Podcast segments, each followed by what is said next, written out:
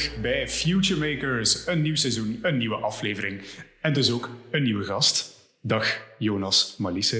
Uh, je hebt al een aantal titels gehad. Ik uh, ben op het, op het, internet op zoek gegaan naar welke het precies was, maar we hebben daar straks gebabbeld en het is dus VP of Expansion. Ik heb het juist Klopt, begrepen. ja. Bij Too Good To Go. Voilà. Goed.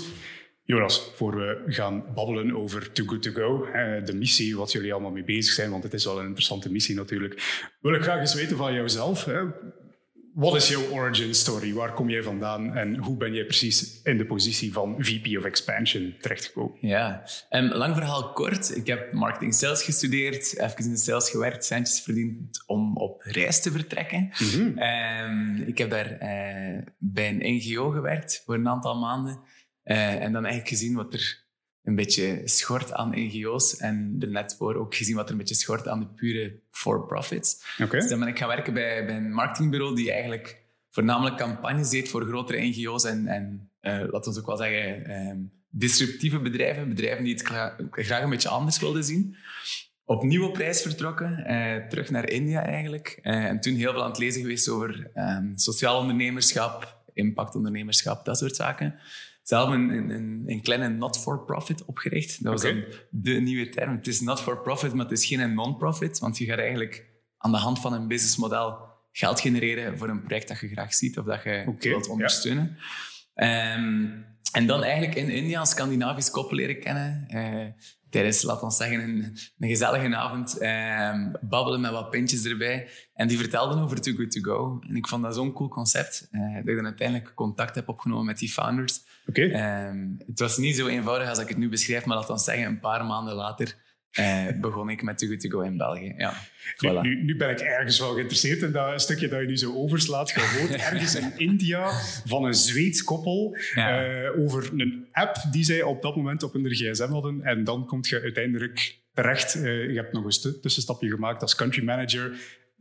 Hoe, hoe- hoe maak je in godsnaam die vertaalslag? eh? Ja, ja ik- waarom dat ik het deel oversla is, eh, lang verhaal kort opnieuw. Hè. Ze zitten eigenlijk gewoon in die fase waar dat ze uit hun eigen voegen aan het barsten zijn. De website is nog een of andere WordPress-website. Ehm, die app die draait eigenlijk ook niet fantastisch zoals dat hoort. En, en voordat dat ze effectief kunnen gaan opschalen, moeten ze eerst even professionaliseren. Even zien van, hey, zijn we hier nog wel legaal bezig? Mogen wij wel business doen in. België en dergelijke? Ehm, dus, dus dat heeft even wel geduurd. De eerste maanden was in België ook zo vaag en, en iedereen werkte als freelancer half. want het was nog niet, dus, dus dat was zo wat, ja, het, het rock en rolle kantje van een start-up, maar eigenlijk iets wat dat professioneel niet zo, Ja. niet zo fijn of interessant is natuurlijk. Ehm, en dan inderdaad eh 2,5 jaar, bijna drie jaar country manager geweest in België. Totdat de fantastische Franco het roer heeft overgenomen, omdat ik eigenlijk samen met Lucie, een van de co-founders, ehm, richting de VS ben getrokken ehm, vorig jaar. Voilà. Cool. Ja. Allee, als ik het goed begrijp, dan, dan ben je erbij gekomen bij Too Good To Go op het moment dat eigenlijk de Belgische markt werd gelanceerd. Niet helemaal. België is een klein land, kleine afzetmarkt, drietalig, complex politiek systeem. Ja. En als je dat eigenlijk gaat benchmarken, niet echt de meest interessante Europese markt als je nog niet in Spanje, in een Italië, et cetera zit. Ehm, dus ik denk, mocht ik zelf niet gevraagd hebben, ik weet zeker, als ik zelf niet had uitgereikt naar de founders van Too Good To Go, dat België waarschijnlijk niet het zevende land ging worden, maar misschien het twaalfde of zo. Ja. Ehm, dus ik heb er een klein beetje naar getrokken en gesleurd om dat dan Alright, toch in cool. België te kunnen Cool. sterven. Ja. Ehm, nu, ja, Too Good To Go. We moeten misschien het, het verhaal zelf eens Ja. gaan behandelen. Als ik het goed begrepen heb, van oorsprong Deens. eh, Klopt. Van daaruit uitgebouwd. Licht eens toe voor onze misschien onwetende luisteraars. Wat is Too Good To Go eigenlijk? Wat is jullie missie? Van waar komt Ja. het? Waar gaat het naartoe? Ja, een derde van al het voedsel ter wereld eh, dat geproduceerd wordt, wordt weggegooid. Mhm. Dus dat wil zeggen dat die impact is gigantisch op verschillende niveaus. Hè. Dus 8% van alle broeikasgassen die komen van voedselverspilling. Niet van voeding, maar enkel van voedselverspilling. Eh, dus per definitie kunnen we een tiende van het probleem oplossen als we morgen geen eten meer weggooien. Ja. Eh, dan heb je het economische probleem. De 1,3 eh, miljard dollar per jaar, of, ruwweg 1, sorry, 1 triljoen, eh, wordt, wordt Een weggegooid. miljardje gaat al rap Ja, ondertussen. miljardjes zijn er nog wel kennen.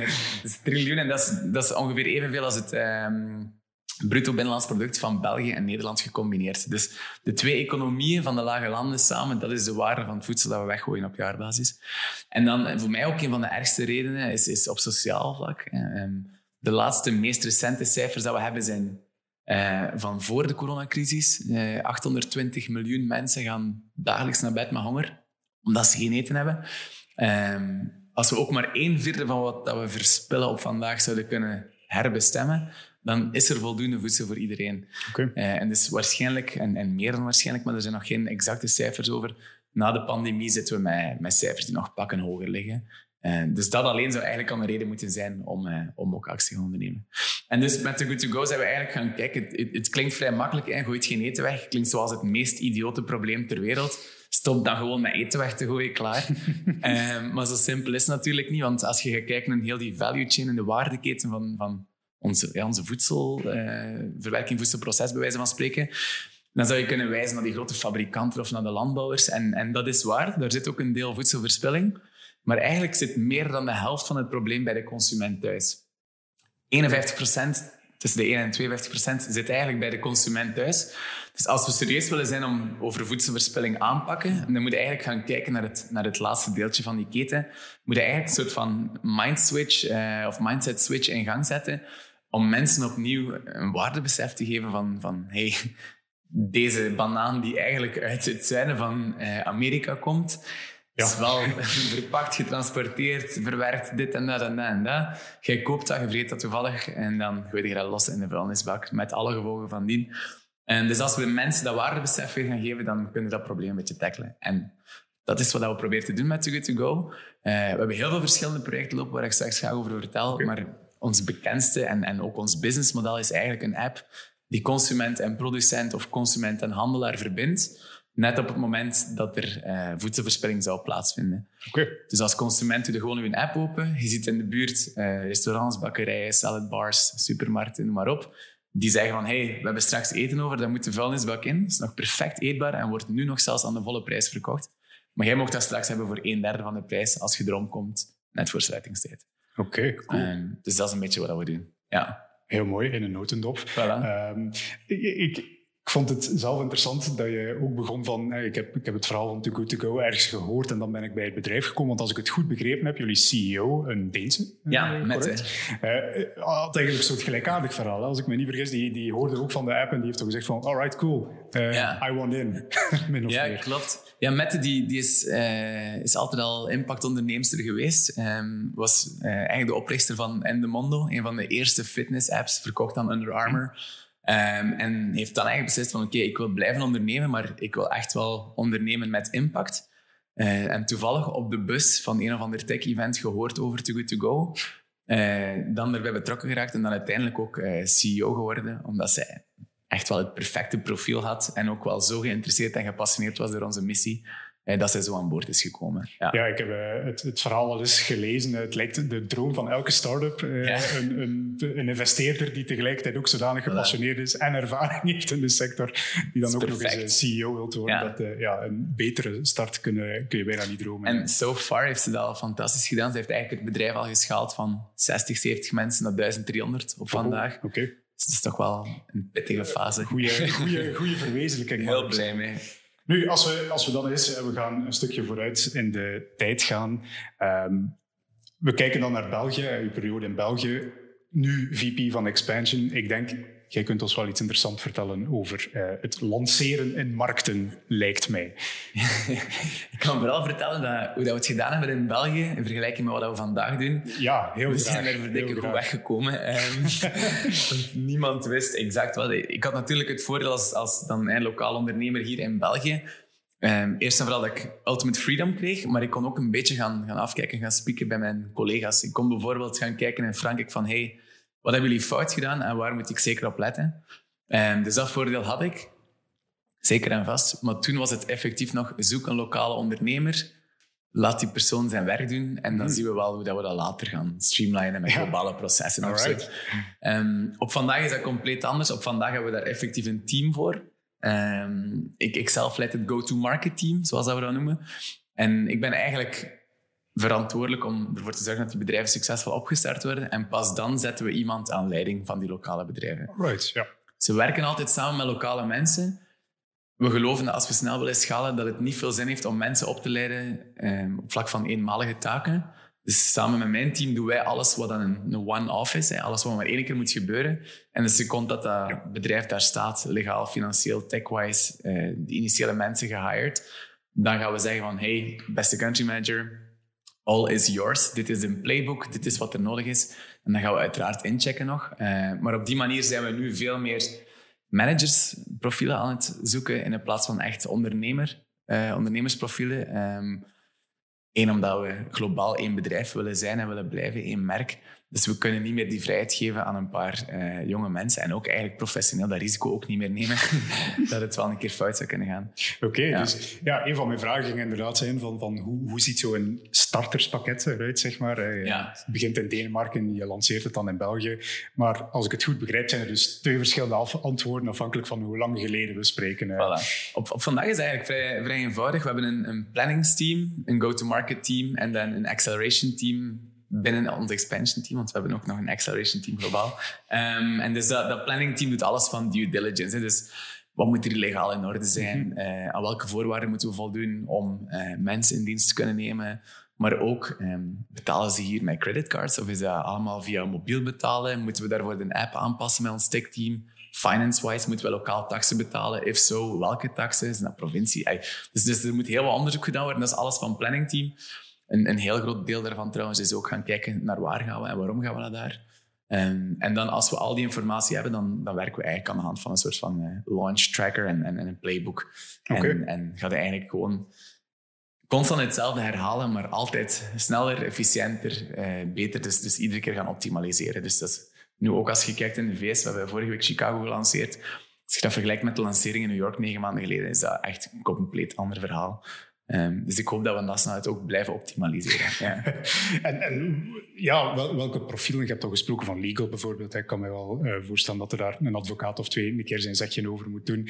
Ja. ja welke profielen zitten daar zo allemaal in? Moet er, moet er daar dan marktonderzoek... Eh, zo het betalen met creditcarden, vraagt je dat aan mensen op de straat? Allee, uh, ja. ik, ben benieuwd hoe dat, dat, hoe dat, dat zeg maar helemaal in gang gezet wordt. Ja. Goh, dat is eigenlijk echt een, een heel nauwe samenwerking van verschillende global teams. Um, dus we hebben iemand die dat coördineert. Uh, aan legal vragen wij om hun deel te gaan onderzoeken. Aan tech hun deel, finance doet hun deel. Um, IT gaat kijken op vlak van security en, en voorwaarden en GDPR-wetgeving, bijvoorbeeld wat er qua data moet bekeken worden. Dus, dus ieder die team doet zijn eigen onderzoek. En dan wordt dat eigenlijk, ja, laten we zeggen, ondertekend en, en approved door onze general uh, counsel, de, de, de hoofdadvocaat, ja, ja. kunnen we zeggen. Die zegt van, yes, we zijn klaar om in die markt business te doen en we zijn daar volledig uh, in lijn met lokale vereisten, bij wijze van spreken. Ja. Okay. Het is niet mijn favoriet deel, maar ik besef wel hoe belangrijk dat, dat is. en, en kunnen we dan ook zeggen van, ja, je bent begonnen als country manager, dan VP of Expansion, dat dat team van Expansion er voordien nog niet was? Of zijn ja. je daar eigenlijk een bepaald bestaand team gejoind? Daarmee dat ik ook zeg, als we België aan het opstarten waren, was dat Lucy, een van onze co-founders, eh, waar ik nu heel nauw mee samenwerk zij wist nog wel een beetje links of rechts wat er juist of fout was. En ze dacht, ah ja, dat mocht je niet vergeten voor mhm. volgende maand. Of als je dit wilt doen, dan moet je daarop letten. En nu hebben we alle informatie van alle verschillende country managers die ooit zelf hebben opgestart, proberen te bundelen. Assessed, besproken, gekeken wat er, er nu echt wel werkt. Uh, En of dat je dat überhaupt ook kunt vastpinnen, of dat er verschillende mogelijkheden zijn. En dus er was niet echt zo'n team. Oké, voilà. oké. Dus ja, ik, een van mijn vragen ging ook zijn van ja, hoe, hoe leren jullie van elkaar, die verschillende country managers? Ja. Is er een soort Slack-groep waar iedereen zijn ervaringen deelt? Dat is zeker en vast. En je komt samen en, je belt met elkaar en je spreekt ook. Maar realiteit is gewoon dat, en, en, dan spreek ik voor België, maar ik weet ook in andere landen dat hetzelfde is, dat we gewoon ook heel vaak hard op onze bek zijn gegaan. en, en dat dat ook oké is. Um, zolang dat je niet een jaar plant en dan iets gaat uitvoeren en dan merkt dat alles voor niets is geweest. Um, maar hoe werkt dat af? Ik denk dat dat een beetje gelijkaardig is met andere bedrijven, andere scale-ups en dergelijke. Je probeert zoveel mogelijk processen te ontwikkelen en te optimaliseren. En bij ons is de regel eigenlijk, als je iets anders doet dan wat er globaal vaststaat, dan moet het, ofwel als het beter is, ervoor zorgen dat het uitgerold wordt naar alle andere landen, mm ofwel moet je na een pilotperiode, na een testperiode ook durven toegeven van dit is misschien toch niet beter en dan terug gaan naar het globale systeem. Dus we zitten wel nog met een vrij losse cultuur op vlak van um, innovatie, zou ik maar zeggen. Ja. Oké, en nu, ja, als je zegt van voordien was er geen team. Hè. Nu, nu uh, wat is het, duizend plus mensen die ondertussen al bij jullie werken. Ja. Ik, uh, ik kan me wel voorstellen, een van de grootste uitdagingen voor ons ook hè, bij, bij Branger is geweest van, van een bonte verzameling enthousiaste jonge mensen vaak, die, die, die er volledig voor willen gaan, naar een soort meer professionalisering hoe, hoe, waak je dan eigenlijk dat, dat, die, zeg maar, dat, dat die jeugdig enthousiasme zich misschien nog doorvindt, maar tegelijkertijd ook die professioneling zich kan voordoen? Ja. Goh, in, in een of ander slecht managementboek dat ik ooit gelezen heb, staat er Culture um, eats strategy for breakfast. Mm -hmm. uh, dus het is een bedrijfscultuur. En ik vind dat wel een lame quote, maar het is wel echt waar. Um, ik denk dat we heel hard gefocust hebben op de cultuur. Um, en ervoor gezorgd hebben dat dat echt een, een, heel strak team is. Maar op een bepaald moment moet je effectief beslissen. We zijn geen start-up niet meer met 100 generalisten. We zijn nu een scale-up met misschien nog 50 generalisten en dan, weet ik veel, 400 specialisten binnen een eigen vakdomein. Ja. En dat zijn niet meer allemaal mensen die vrijdag tot een gat in de nacht mee gaan feesten waarschijnlijk. Dat zijn misschien ook niet allemaal mensen die het fantastisch vinden om op zaterdag of zondag te werken. En dat is eigenlijk maar goed ook. Eh, want het zorgt ervoor dat je professioneler wordt en dat je zelf door te vertragen iets deftiger gaat installeren om nadien te kunnen versnellen. Um, dus dat is een uitdaging geweest. En ik denk dat heel die teamcultuur en het bouwen van zo'n team ook constant met nieuwe uitdagingen meekomt. Wat in het begin dan bijvoorbeeld van generalisten naar specialisten gaan, nou, dat is zo ongemakkelijk en is toch een beetje ander en gelijk wat. Zitten we nu net met het probleem dat we heel hard aan het inzetten zijn op, op D&I, Diversity, Equity en Inclusion. Uh, en dat we eigenlijk zo divers mogelijk, zeker in een land als de VS, die echt wel een stap, een dikke stap voor is op Europa-vlak van, van DEI, um, zijn we nu aan het kijken van oké, hoe kunnen we diverse profielen gaan aantrekken? Hoe kunnen we echt wel heel de maatschappij en heel die lokale community betrekken? Um, hoe kunnen we ook andere mensen gaan screenen om op die manier onze talentpool groter te maken? Want we kunnen niet meer, we vinden niet snel genoeg mensen of we vinden niet snel genoeg de juiste mensen. Um, en dan als je kijkt in de VS, het tempo waar we nu aan het groeien zijn. We zitten, ik ben volgens mij negen maanden gestart. Uh, negen maanden geleden gestart in New York. Staan vandaag met 130 mensen. En, en, er moeten zeker nog een keer zoveel mensen bij binnen het half jaar. Dus je groeit zodanig snel dat overcommunicatie ook nodig is. En, en heel vaak denkt man, zijn we dat nu weer land presenteren? We hebben dat twee weken geleden een heel team uitgelegd. En dan kijkt en dan zitten er 36 nieuwe mensen bij en denkt van, ah ja, oké, maar die moeten dat ook weten. Ja, en ja. die moeten ook weten waarom dat we dat doen. En die moeten ook weten dat we misschien dit nog niet exact doen voor een team van 130, maar dat dat misschien nog afgestemd is voor een team van 60. En dan moeten die dat dan eigenlijk vertellen. En dus, dus er komen altijd andere uitdagingen bij. Uh, wat het ook spannend en leuk wordt, natuurlijk. Ja. Absoluut. Nu, ik kan me dan ook voorstellen, op een bepaald moment... Uh, ja, al zijt je precies wel een bereizend man, maar je maakt een overgang van België. Ziet er zo uit. maar ja, in India komt je Zweedse koppels tegen ja. die je vertellen over een Deense app enzovoort. Uh, nee, maar, maar, maar, ja, dan maakt ze die overstap naar de VS. Uh, ik vond het op zich al interessant dat je zegt van in België, goh ja, ja, het is een te kleine markt. En in de VS spreekt je van, we hebben een stad gelanceerd. Ja. En dat is inderdaad een faire vergelijking om te maken. Ja. Wat zijn er zo nog verschillen, hè? Die, die inclusion? Je hebt ook al vermeld, verschillen die je ziet tussen hoe de zaken in België gaan en hoe het er uh, in de VS bijvoorbeeld aan toe gaat. Ja. ja, eerst en vooral, België is een kleine markt, maar als je kijkt met Too Good To Go lossen we nog geen 5% van het probleem op. Mm -hmm. Dus, dus er is nog ongelooflijk veel te doen, zelfs in een kleinere markt zoals België. We gaan, gaan binnenkort zelfs uh, ook gaan kijken naar, naar nog kleinere regio's. Um, ja, ik krijg vaak de vraag, wat is het verschil tussen de VS en, en Europa dan voornamelijk? In, in C zijn er ongelooflijk veel verschillen. Langs de andere kant, als je even uitzoomt, mm -hmm. wat dat wij doen is, wij zorgen ervoor dat eten die op het einde van de dag verspild zou worden, op een bord belandt.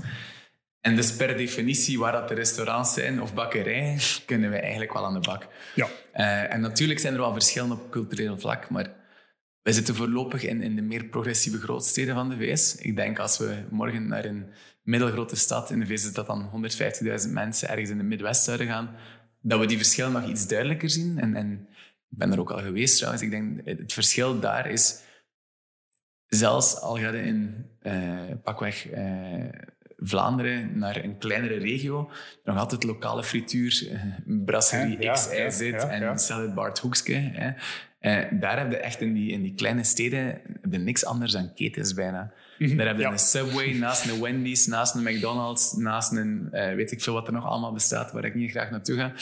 en, en dat is op zich al een heel ander gegeven. Um, mentaliteit is ook een beetje anders, maar ik denk, het, het voordeel, dat, dan, klinkt dat misschien raar, maar het goede aan het aanpakken van voedselverspilling is dat het maakt niet uit of dat je links, progressief, rechts, conservatief, racistisch, whatever dat je overtuiging is. Niemand is voor voedselverspilling. Ja. Of dat je dat nu wilt doen om mensen eten te geven, om de wereld te redden op vlak van klimaatverandering of de klimaatcrisis, of omwille van economische redenen. Fantastisch, uh, let's do it. Dus ik denk dat dat ook in de VS wel, wel geldt. Ehm, ik denk het enige grote verschil is, vergelijken we altijd een beetje zo, is, is ehm, in Europa zijn wij kokosnoten. Het is moeilijk om erin te geraken, maar een keer dat je aan de binnenkant zit, heb je alles erin okay, mee. Ja, ja. En in de VS is een mango, je kunt je zo binnenprikken, maar dan botst op een harde noot. Als je in de VS vraagt aan een key account van hey, dus na deze pitch doen we dat dan? Super enthousiast, dikke ja. En dan zes maanden later zijn ze nog altijd aan het sukkelen om dat uit te rollen. Mm Terwijl in, in België of in Europa dan misschien eerst vier, vijf maanden gaat sukkelen om binnen te geraken en hen te overtuigen.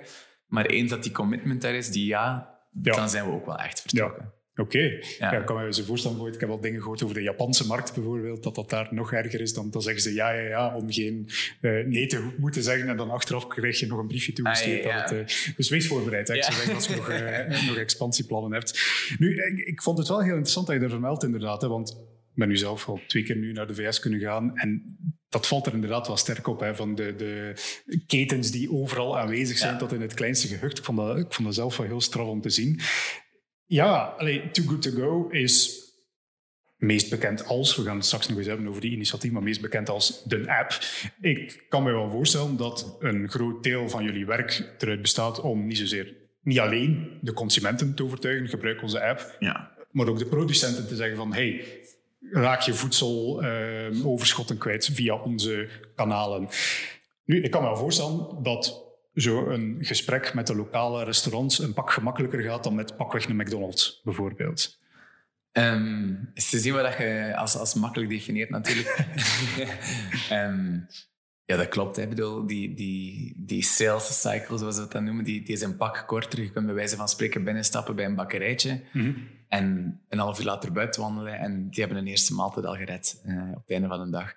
Terwijl dat je inderdaad bij een gigantisch uh, key account met duizenden verschillende locaties verschillende partijen aan boord moet mee hebben. Die willen ook eerst wel zeker zijn voordat ze een concept uitrollen in 10.000 winkels. Dat die start-up Too Good To Go niet over kop gaat binnen vier weken of binnen vier maanden. Dat ze niet alles voor niets hebben gedaan. Die willen ook snappen wat dat een impact kan zijn. Dus, dus uiteraard, duurt dat langer. Langs de andere kant heb je ook wel die gigantische spelers net nodig als je een verschil wilt maken. Ja. Um, dus, dus ja, er zijn bepaalde bedrijven waar wij op vlak van basisfilosofie wel best ver uit elkaar staan. Maar als die net gecommit, eh, of, of, of, willen committen om iets te doen op vlak van sustainability, op vlak van voedselverspilling, dan zeker. Ja, dan zou het heel dom zijn om te zeggen, ah, maar we willen dat wel niet samen met jullie doen. Um, dus dat zijn, dat zijn heel belangrijke spelers om mee aan boord te hebben, natuurlijk. Ja, ja wel, ik, kan, ik kan het zo begrijpen als je dan een city-by-city release wilt doen, in de VS bijvoorbeeld. Eh, het is niet zozeer een kwestie van de lokale Starbucks en McDonald's te overtuigen. Het gaat erover dat je ja. de hele natie moet gaan overtuigen, zeg maar. Hey, hoe, hoe, hoe ziet zo'n city launch er dan uiteindelijk uit? Hè? Wie, wie moet je aan boord hebben voordat een bepaalde stad, zoals bijvoorbeeld in Detroit, van start kan gaan? Ja, dus we starten altijd met een lokaal team. één, om die lokale kennis te hebben. Want hoe graag dat ik ook iedere stad ter wereld zou willen kennen, als je opgegroeid bent in een stad, ken je de juiste buurten, de juiste partners, de hipste zaakjes, mm, heb je netwerk en, en kom je met kennis natuurlijk. Um, plus, we geloven ook als je een globale movement wilt gaan uitbouwen, dat je mhm. moet met lokale mensen werken en dat je dat niet van uit één kantoor uit, in Kopenhagen bij wijze van spreken kunt doen. Um, dus bijvoorbeeld, we zijn nu, uh, we hebben vorige week Chicago gelanceerd. We hebben in Chicago een team van tien uh, business developers, salesmensen. Daar zitten twee sales managers. Daar zit een people and culture manager, een partner manager. Dus, dus we hebben daar een lokaal kantoor. Daar zit een man of twintig, als ik me niet vergis. Um, en, en dus die mensen werken initieel samen met de mensen in mijn team. Dat zijn dan expansion leads. Ja. Die mensen hebben eh, een, andere, een half tot een volledig jaar ervaring in business development. Die kennen onze cultuur ook en die gaan daar eigenlijk samen gaan opstarten. Dan brengen we ook een paar andere mensen in, bijvoorbeeld van de New York-markt, uh, die dan gaan ondersteunen. En we gaan eigenlijk heel agressief op drie, vier weken tijd proberen tussen de 50 en de 100 lokale partners aan boord te mhm. krijgen. Um, dan maken we wel lawaai in de pers, liefst zoveel mogelijk om onze consumenten aan te trekken. En dan zijn we live en dan, dan zijn we gewoon maaltijden aan het redden. En dan moet je alles wat je eigenlijk heel hard gestretched hebt, een beetje herstellen, een beetje weer gaan aanpassen, zorgen dat iedereen nog blij en gelukkig is, weet wat er moet gebeuren. Um, totdat die markt eigenlijk stabiel is en up and running en bepaalde maturiteitsgraad heeft. En dan wordt die getransferd naar, de, naar het operations team als die markt up and running is.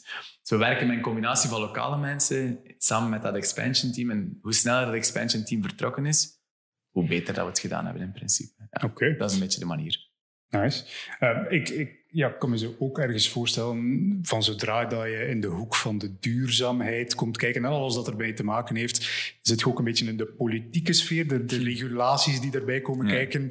Uh, ik herinner mij misschien zo anekdotes in de VS dat, dat als er iemand eten uit uw dumpster neemt of zo en daar iets aan overhoudt, dat dat dan uw fout is. Allee, zulke zaken kan ik me inbeelden spelen ook wel een gigantisch grote rol als je in een bepaalde markt wilt gaan release. Moet je dan ook politiek lobbyen voordat je ergens kunt starten?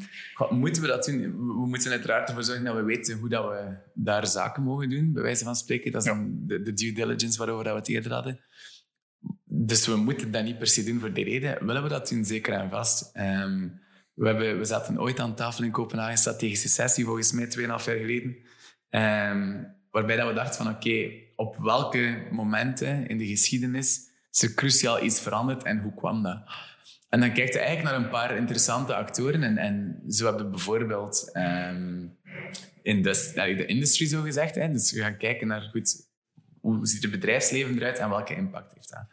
En dan heb je educatie. Hè heel interessant. het moment dat meer mensen naar school gaan, is een ongelooflijke shift mm op vlak van levensverwachting, van, van, vermogen en dergelijke. Dus dat is zeker en vast ook een interessante. Ehm, als je kijkt naar huishoudens, hè, wat is de koopkracht van gezinnen? Hoe wordt dat gezin ingedeeld? Dan is dat ook iets. Um, dan heb je public affairs, politiek geweest. Als de politiek iets anders zit, dan zitten we ook met andere zaken natuurlijk.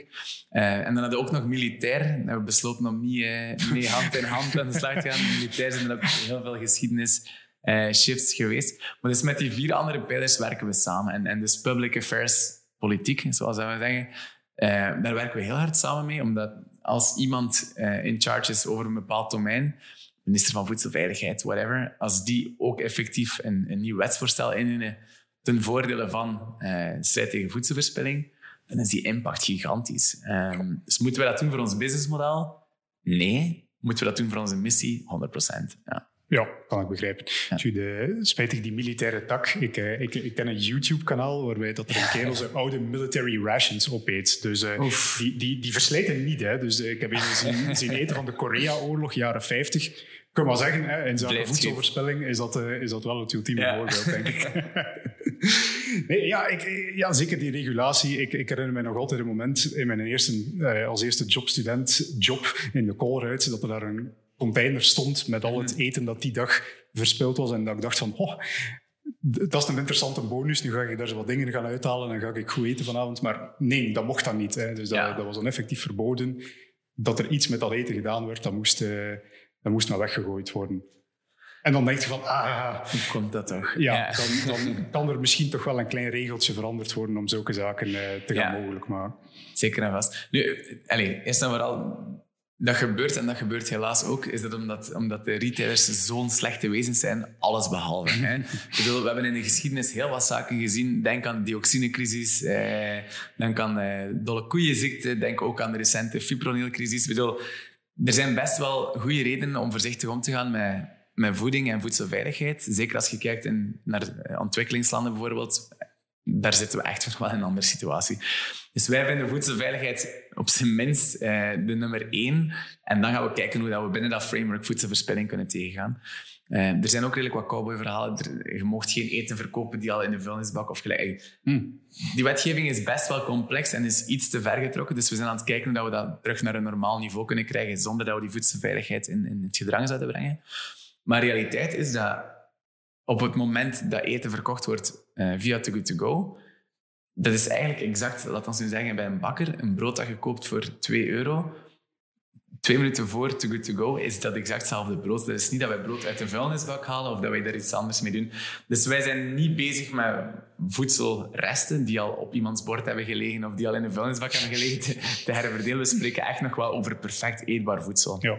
Ehm, en als we dan gaan kijken naar die dumpsters, ja, dat is heel chockerend. Hetzelfde met, je hebt wel jaarlijks eh, een keer beelden van een, een fruitboer die 20 ton peren eh, of een, een tomatenboer tomaten moet weggooien. En ja, dat is eh, shocking. En dat is ook hetgeen wat op, net, op ons netvlies gebrand staat. Maar dat is in realiteit maar één van de vele problemen waar voedselverspilling plaatsvindt. Ja. Nu, als ik aan Too Good To Go denk, in eerste instantie na mijn opzoekwerk natuurlijk, mijn impressie was van, oké, dat is een, een technologiebedrijf, een beetje, beetje Uber-achtig in de zin van, uh, jullie verbinden producenten en consumenten op een flexibele manier door middel van een app. Maar je zegt zelf ook, ja, bij ons gaat het verder dan dat. Er zit ook een missie achter, er zijn ook nog andere initiatieven waarmee we bezig zijn.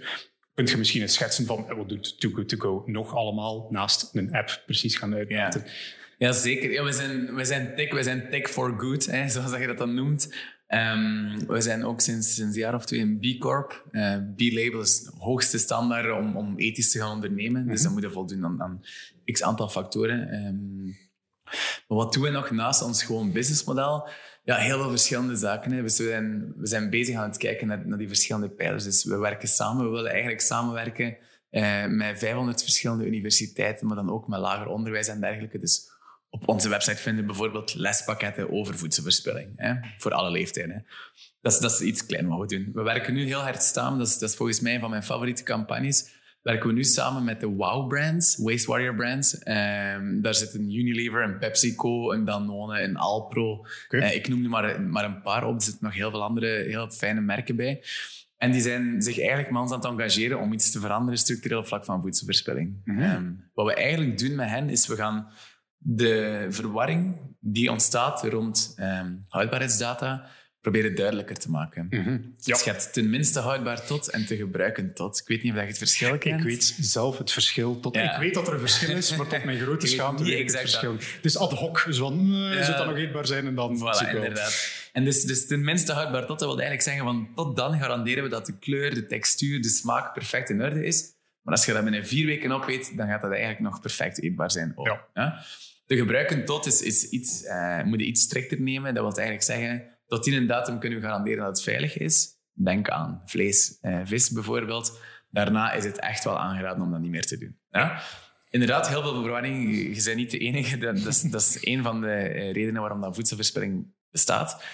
Dus we zijn nu eigenlijk samen met die merken een campagne, een soort nieuw logo op hun verpakking aan het zetten, waarbij, waarbij dat we eigenlijk zeggen van... Um, uh, look, smell, taste, don't waste. Mm -hmm. um, en dan ga je eigenlijk gaan kijken naar het product, je trekt dat open. Ziet dat er goed uit? Geen paddenstoelen op, super. Ruikt dat niet naar ongelooflijk zure vis? Nee, en proeft dat nog lekker? Ja, dan zullen 99% van de tijd uh, eigenlijk zelfs meer perfect in orde zijn. Okay. Um, en aan de hand van zo'n date labeling campagnes proberen dan bijvoorbeeld met de industrie ook een verschil te maken.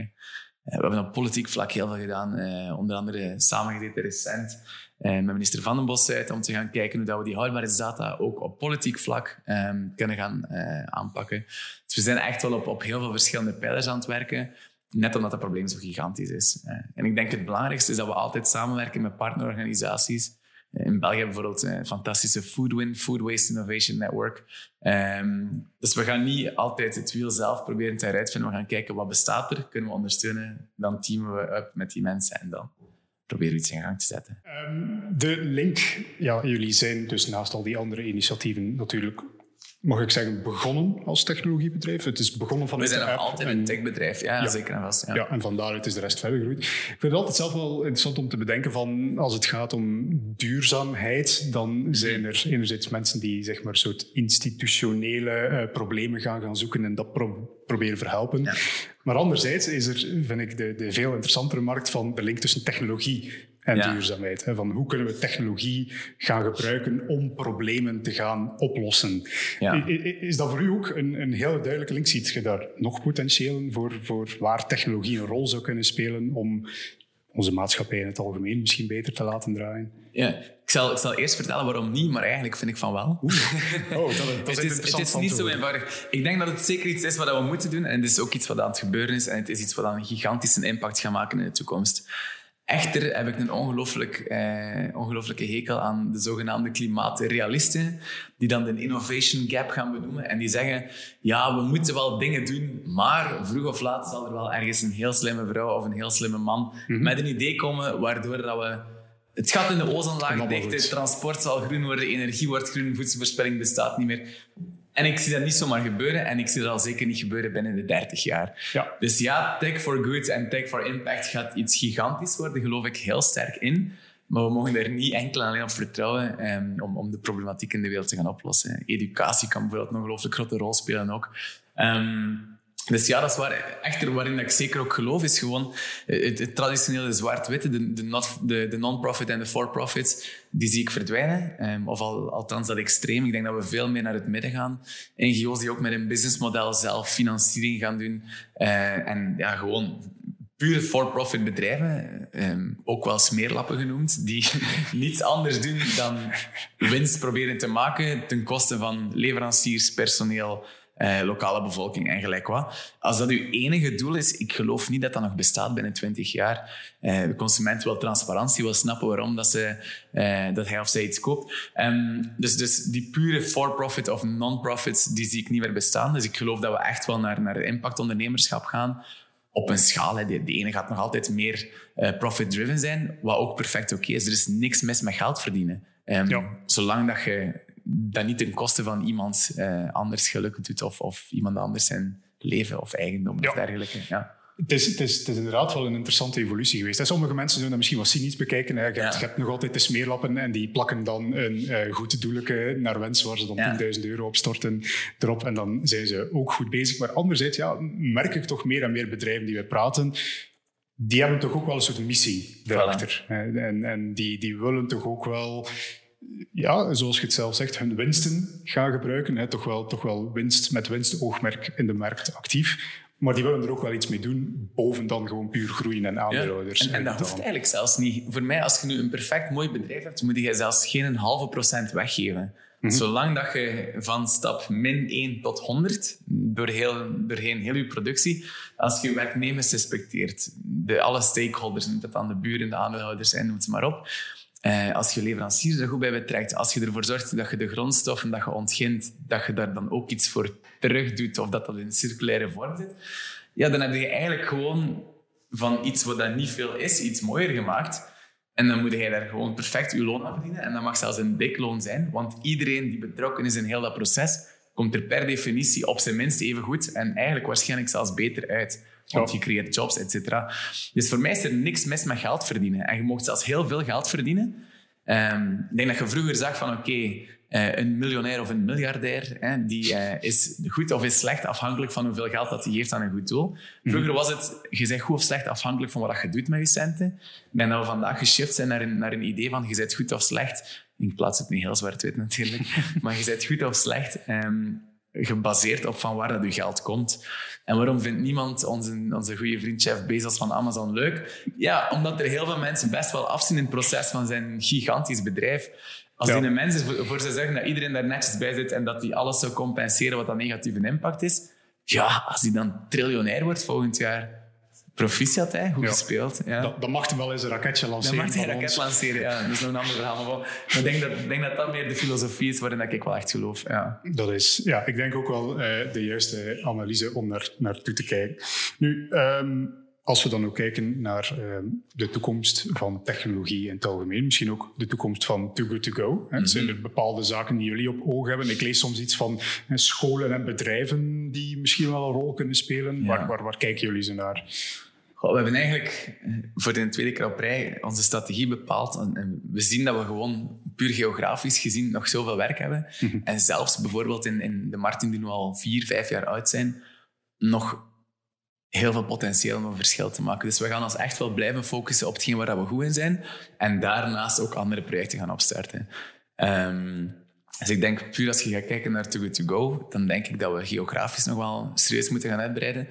Maar ook wat je nu al ziet, we zijn gewoon heel langzaam, maar zeker aan het shiften. We hebben bijvoorbeeld onlangs een, een actie gedaan, die, die, deze week ook trouwens opnieuw. Barry Callebaut en, en Ginette, hè, dus, dus een chocoladeproducent en een, een bierproducent. Belgischer kan het niet. Uh, die zitten met voedseloverschotten en die zijn die, die houdbaarheidsdata is zo kort dat zelfs um, sociale partners, voedselbanken, bij wijze van spreken, er niet veel meer mee kunnen doen. Want tegen dat ze doorheen het logistieke proces zijn gegaan, moeten ze eigenlijk al in de vuilnisbak liggen. Dus wat hebben we nu gedaan? We zijn nu ook aan het kijken van oké, hoe kunnen 6000 kilogram chocolade herverdelen op vijf dagen tijd? Bij wijze van spreken. Ja, onze app is daar niet echt super geschikt voor, want Barry Callebout heeft geen winkeltje op de hoek. Dus ja, gaan we samen met hen, fantastische partner trouwens ook, gaan kijken, oké, hoe kunnen we creatief dit gaan herverdelen door verschillende pick-up points in verschillende steden. Um, ja, ons product is daar niet voor gebouwd. Dat werkt nu wel omdat we dat een klein beetje aan elkaar hacken, bij wijze van spreken. Maar oké, goed. Wat als er morgen 5000 paletten eh, overschotten zijn? Wat, hoe, doen we dat? Hoe gaan we dat Dus, dus we zijn wel aan het kijken naar innovatie. Hoe kunnen we het nog breder trekken en dan eigenlijk een oplossing gaan bieden doorheen die waardeketen. Um, een paar kleine testen ook gedaan met, met bijvoorbeeld een landbouwer. Um, die zijn aardappelen heeft geoogst. En dan blijft er per definitie nog x aantal kilogram, druk maar uit in ponnen, als je gaat kijken op nationaal niveau liggen. Omdat die super efficiënte landbouwmachines alsnog niet alles kunnen uh, gaan oogsten. Ja. En dan doen we eigenlijk, oké, goed, als je op Too Good To Go 4 euro betaalt, bij wijze van spreken, dan kun je met zelf die aardappelen te gaan oprapen, 5 kilo aardappelen mee hebben voor die prijs. En ik weet niet of dat de prijs en de aantallen kloppen, maar per, dat, is, dat is wat het idee erachter. Dus oké, kunnen we dan misschien iets doen met landbouw of, of met... Um, allez, of, of met, met, dergelijke spelers. Dus we zijn wel aan het kijken naar innovatie, maar ik denk dat onze toekomst zeker de komende jaren nog vooral op, op geografische uitbreiding zal liggen. Okay. Ja misschien als ik, ik weet niet of jij de persoon zit om dat aan te vragen, maar uit beroepsmisvorming mag spreken op technologisch vlak. Als ik denk aan voedselverspilling, denk ik aan logistiek. En dan mhm. komt mijn hoofd bij technologieën zoals blockchain, zoals artificiële intelligentie. Ja. Is dat iets waar jullie ook naar kijken? Kijken jullie ook naar nieuwe technologieën om jullie werking te gaan verbreden? Of zegt je daarvoor moet je met een collega van mij babbelen, die gaat... Oh, daarvoor moet je met een collega van mij babbelen en zelfs niet binnen Too Good To Go. Um, Er zijn ongelooflijk veel fantastische bedrijven die bezig zijn met, met voedselverspilling. Uh, je, hebt, je, hebt, bedrijven die bezig zijn met, met AI, je hebt bedrijven die bezig zijn uh, met blockchain, je hebt bedrijven die bezig zijn van oké, hoe kunnen we nu smart pricing gaan doen? Hè? Mhm. Wat gebeurt er als een yoghurtje, stel hè, je favoriete yoghurtje staat in, in, in een trek van je supermarkt om de hoek en dat kost 2 euro. Daarnaast staat er een die maar 1 euro kost, maar die is wel maar drie dagen meer goed. Ja. Als je weet dat je dat eigenlijk toch vanmiddag als dessert gaat opeten, dan ga je waarschijnlijk dat van... Dus met smart pricing kun je ook heel veel gaan doen. Dus Too Good To Go is zeker niet de enige speler in, in, in die markt. Gelukkig maar, want het probleem is gigantisch. Um, dus er zijn veel, heel, heel, veel nieuwe technologieën en we hebben geen interesse om te gaan concurreren uh, met, met mensen die al super fijn werk doen op dat vlak. Ja, ja oké. Okay. Dan dus denk ik dat onze tijd er ook uh, begint te naderen. Ik wil zeker nog onze afsluitende vraag. Ik heb het al vaak gezegd, maar een groot deel van ons publiek zijn jonge ondernemers. Ik denk dat er onder die jonge ondernemers ook wel een groeiende populatie is van ondernemers die graag iets met duurzaam ondernemen willen gaan doen. Mhm. Ik denk dat jij misschien de ideale persoon bent om te vragen van... Heb je tips voor mensen die met enerzijds ondernemen of misschien zelfs duurzaam ondernemen willen beginnen? Wat moeten zij precies allemaal weten. En wat kan jij gaan vertellen? Ja, ik niet dat ik de persoon ben voor advies, maar mijn advies zou zijn, ja, wacht niet en probeer niet uh, het perfecte moment te vinden en, en helemaal voorbereid te zijn, want dat gaat toch niet gebeuren. Tegen dat je perfect voorbereid bent, is alles wat je gemaakt, weer al, gemaakt hebt weer al verouderd waarschijnlijk. Dus ik denk, eh, start met iets en, en ga dan gewoon gaan optimaliseren en perfectioniseren. Dus, dus begin gewoon, durf op je bek gaan. Ja. Eh, aanvaard advies van mensen, maar ook niet van iedereen. En, en ja. Ja, fake it till you make it. Ja, uh, zoiets. Make it up, make it up along the way. Ik, uh, dat is misschien te extreem. Maar, ik, ik kan alvast bevestigen dat, dat ja, ook voor mij was dat, uh, was dat een beetje het geval van... ik weet niet helemaal waarmee dat ik bezig ben, maar goed, we zien wel voilà. waar dat we uitkomen. En dan, en dan kan ik mij voorstellen dat het ook wel een enorme hulp is dat je meer ervaren mensen hebt om af en toe eens aan de mouw te kunnen trekken en advies te kunnen gaan vragen naar ja, natuurlijk. Wat, dat, wat dat je precies allemaal moet doen nadat je op je back bent gegaan. Ja. Kan ik mij helemaal voorstellen. Goed, dan denk ik dat onze aflevering er ongeveer op zit. Jonas, sorry. Jonas, rest mij alleen nog om u te bedanken voor uw aanwezigheid hier vandaag. Ook aan de mensen thuis graag ja, de gewone boodschap, eh, liken, subscriben. Vind ons op jullie favoriete podcastplatform en dan eh, kijken we zeker en vast uit om jullie bij de volgende aflevering terug te zien. Jonas, bedankt en ik zou zeggen aan de kijkers thuis ook bedankt.